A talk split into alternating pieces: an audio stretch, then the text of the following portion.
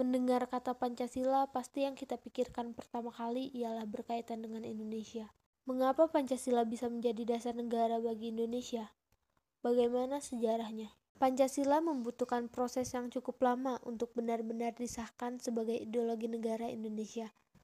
Pada tanggal 29 April 1945, BPUPKI dibentuk oleh Gun Seiken, kepala pemerintah Jepang yang diketuai oleh Dr. Rajiman Widyodiningrat. Sidang BPUPKI pertama mengemukakan pendapat tentang dasar negara yang akan digunakan untuk Indonesia merdeka. Pemikiran ini dikemukakan oleh tiga tokoh, yakni Mr. Muhammad Yamin, Profesor Dr. Supomo, dan Insinyur Soekarno. Lalu BPUPKI membentuk Panitia 9 Tugas Panitia 9 adalah menampung aspirasi tentang pembentukan dasar negara untuk Indonesia merdeka. 1 Juni 1945 disahkan sebagai hari lahirnya Pancasila.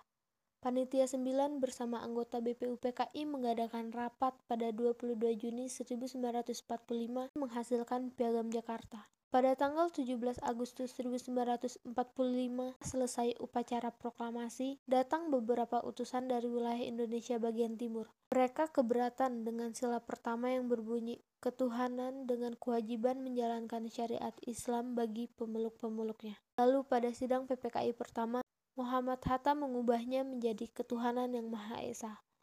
Dan akhirnya rumusan inilah yang menjadi dasar negara Indonesia sampai sekarang. Lalu, apa sebenarnya fungsi Pancasila? Terdapat sembilan fungsi Pancasila. Yang pertama, sebagai dasar negara kesatuan Republik Indonesia.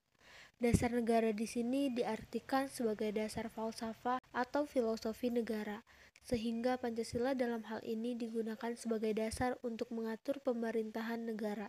Yang kedua, ada sebagai pandangan hidup bangsa Indonesia berperan sebagai petunjuk hidup sehari-hari yang juga merupakan satu kesatuan yang tidak akan bisa dipisah-pisah antara satu dengan yang lain. Yang ketiga, sebagai kepribadian bangsa Indonesia. Kepribadian yang dimaksudkan adalah ciri khas masyarakat bangsa Indonesia itu sendiri. Artinya, suatu sikap mental dan tingkah laku yang mempunyai ciri khas tersendiri sehingga mampu dibedakan dengan bangsa lainnya di seluruh dunia. Yang keempat, sebagai jiwa bangsa Indonesia. Pancasila merupakan jiwa dari rakyat Indonesia, karena Pancasila merupakan jiwa bangsa yang lahir bersamaan dengan adanya bangsa Indonesia. Lalu yang kelima, sebagai sumber dari segala sumber hukum. Sumber hukum di Indonesia ini bermakna sebagai pandangan hidup, kesadaran, dan cita-cita hukum beserta cita-cita moral yang meliputi suasana kejiwaan serta watak bangsa Indonesia. Ada beberapa sumber hukum yang terdapat di Indonesia,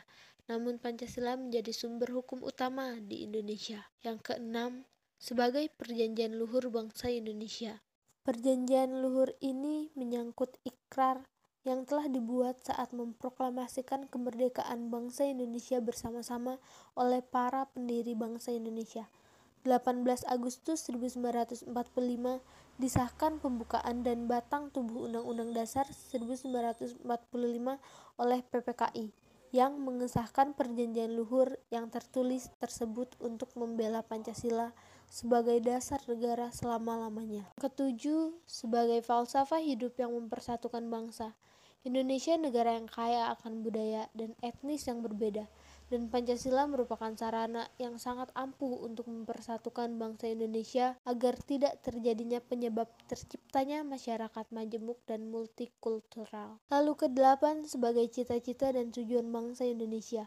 Cita-cita luhur bangsa Indonesia termuat tegas dalam pembukaan Undang-Undang Dasar 1945 Hal ini dikarenakan pembukaan Undang-Undang Dasar 1945 merupakan media penuangan jiwa proklamasi, yaitu jiwa Pancasila yang tertulis di dalamnya. Lalu yang terakhir sebagai ideologi bangsa Indonesia. Pancasila sebagai visi dari penyelenggaraan kehidupan berbangsa dan bernegara di Indonesia.